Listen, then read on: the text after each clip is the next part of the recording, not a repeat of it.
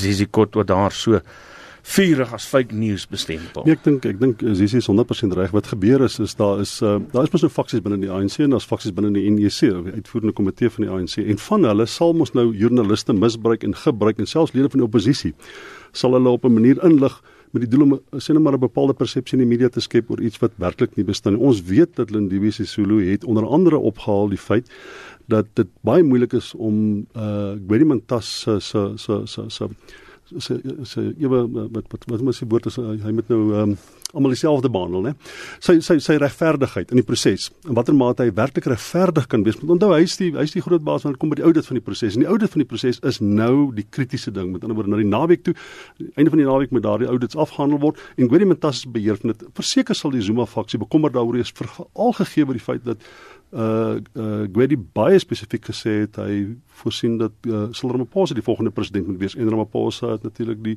die returned favorite. So the favor so dit is mos nou so dat hulle sal bekommerd daaroor wees en dit dit is wel gesê, maar dit daar's nooit gesê dat hy ondersoek moet word, dat hy verwyder moet word nie en Power FM en 'n paar uh, junior joernaliste het natuurlik op loop daarmee gegaan as 'n mens in ag neem die faksievorming in die ANC, die diep liggende faksievorming op hierdie stadium en dit wat nou gebeur het, hoe versigtig moet Gwedi Mantashe oor sy posisie in die nee, ANC baie, wees? Hy moet baie meer versigtig wees as wat hy was, jy weet, en Ramaphosa moet ook meer versigtig wees want uiteindelik die die die bureaukratiese bestuur van die van die verkiesingsproses wat in Desember plaasvind kom uit Gwedi se kantoor uit. En verseker wil jy soos wat jy wil hê die die onafhanklike verkiesingskommissie moet onafhanklik wees. So wil jy hê Gwedi se kantoor moet onafhanklik wees. En die politieke ry waarin Gwedi betrokke geraak het, so ongesofistikeerd wat hy partykeer is, dink ek het 'n skade gewerp oor daai proses. En dit is heeltemal verkeerd. Mense graag wou gehad het dat daar moet op geen manier refleksie gewerk kan word op dit wat gebeur in die takke in die leierskap wat aangewys word want as daar uiteindelik nou probleme kom en hulle gaan hof toe byvoorbeeld of die verkiesing vind in Desember nie plaas nie gaan Gwedi Mantashe rol opgehaal word as spesifiek die rede oor hoekom daar 'n probleem is met die uitslag van die verkiesing. Nou daai takke waarvan jy nou praat uh, Mantashe het vandag bevestig dat daar 5214 stemgeregtigde stemgeregtigde afgevaardigdes die konferensie in Desember kan bywoon en kom ons hoor net gou wat hy te sê gehad het oor daai binnengevegte by die ANC takvergaderings. The NC has reaffirmed the principle that while no member of the NC in good standing must be denied an opportunity to participate in the BGM. To ensure that integrity of our processes, only audited members must be able to vote uh, in the nomination process and be elected as delegates to conference. This is to ensure that we do not tamper with the quorum of the meeting and the allocated delegation of the branch. But as the NSC dealt with the details of that matter, it came to the conclusion that says, listen, let's allow everybody to participate who is a member in good standing. But if you are not audited, you're going to distort the allocation of delegates because delegates are allocated to provinces in terms of audited membership. And number two, you will tamper with the quorum. The NSC condemns in the strongest terms reported incidents of violence at some of the PGMs. Uh, while they seem isolated, uh, they nevertheless fly in the face of the discipline of the ANC.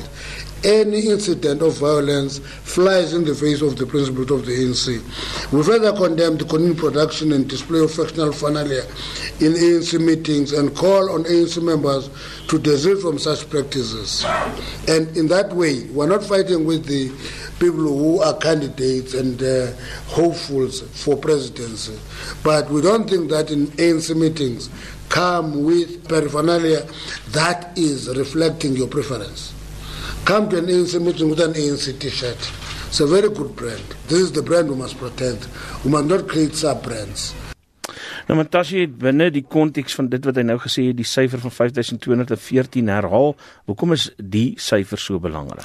Wel, dis die hoeveelheid uh, maksimum uh, delegates of verteenwoordigers wat daar potensieel kan wees, maar daar gaan aansienlik minder wees van baie takke gaan eenvoudig teen die einde van die naweek nie hulle proses kon afhandel nie. En daar's twee redes daarvoor. Die een is in baie van die takke vermoed is was daar baie korrupsie geweest wat beteken is uh as jy nou 'n quorum wil hê, sien nou maar jy het gesê ek het 500 lede dan het jy nou 'n baie sterk tak wat jy gekry het, maar jy moet nou 40% daarvan as 'n quorum kry van mense wat wil opdaag om die leierskap te verkies of uh, wie aangewys moet word by die by die by die uh, as leierskap by die president by die verkiesing einde van die jaar. Nou sukkel jy om daai mense te kry met hulle bestuur. Hulle weet nie eens as op die lys nie. So korrupsie kan maak dat dit baie moeilik is om 'n quorum te kry en baie van die takke sukkel om 'n quorum bymekaar te kry.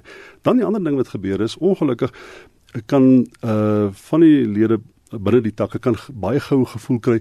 Die diegene wat in die bestuur van die proses daar's wat is hulle affiniteit? Is hulle Ramaphosa mense of is hulle Mantas mense? En die maklikste wat jy doen is as dit nie jou faksie is en bly eenvoudig weg en probeer om seker te maak hulle kry nie 'n quorum nie En dan is daar natuurlik 'n derde opsie as jy gaan so intoe gemaak moeilikheid en dit is wat baie mense doen. En ek dink dit is waarmee Gwedi Mantas sukkel. Die feit dat baie plekke kry nie quorum nie, ander van die takke is daar geweld en dan is natuurlik uh, takke waar die proses eenvoudig so korrup is dat dit baie moeilik gaan wees om uiteindelik daai takke behoorlik te audit. En hy maak die punt oor en oor. As as jy nie kan behoorlik audit nie, kan as jy nie laat deelneem nie.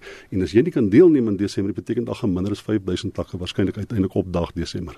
In die lig hiervan het heelwat mense nou al uitsprake gemaak oor wat hulle dink wat gaan gebeur met die uh, verkiesingskonferensie in Desember en uh, Trevor Manuel het selfs gesê dat dit hierdie die derde dag al kan ineenplof.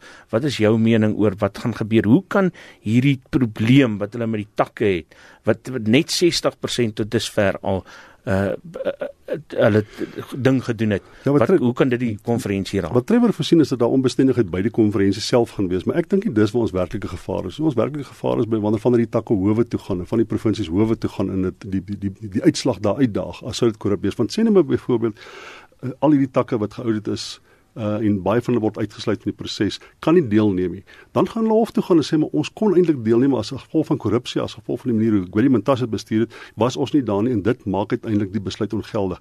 Nou uiteindelik kan die hof waarskynlik sê nee, ten spyte van die feit dat sommiges nie kon deelneem nie, daar 'n bietjie korrupsie was, ja, maar ons aanvaar die uitslag soos wat dit is.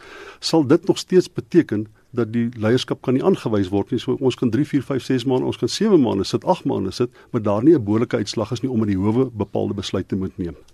Die meeste van die takke weet ek wat probleme het sit in KwaZulu-Natal, maar daar is 'n ernstige probleem in die Oos-Kaap en daarvoor is daar nou 'n kommissie aangewys.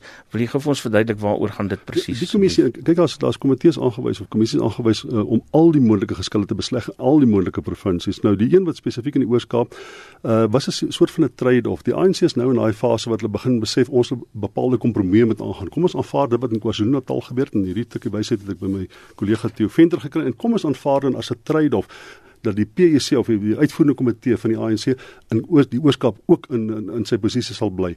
En dan stel ons 'n komitee aan om die situasie daar te ondersoek. Nou die ironie van die hele ding is Sibu Ndebele is aangestel daar hy die voormalige minister van korrektiewe dienste wat uit Australië herroep is sodat hy korrupsieklagtes in Suid-Afrika kan hoor. Ek is verbaas hy stuur tronk nie. Ek was verstom te hoor hy is besig om 'n kommissie vir ondersoek in die ooskap te loods. Baie dankie dis uh, die stem van Dr Piet Kroukamp hy's aan Noordwes Universiteit se Maai Ken kampus verbonde. Baie dankie dat jy ingekom het ateljee toe Piet.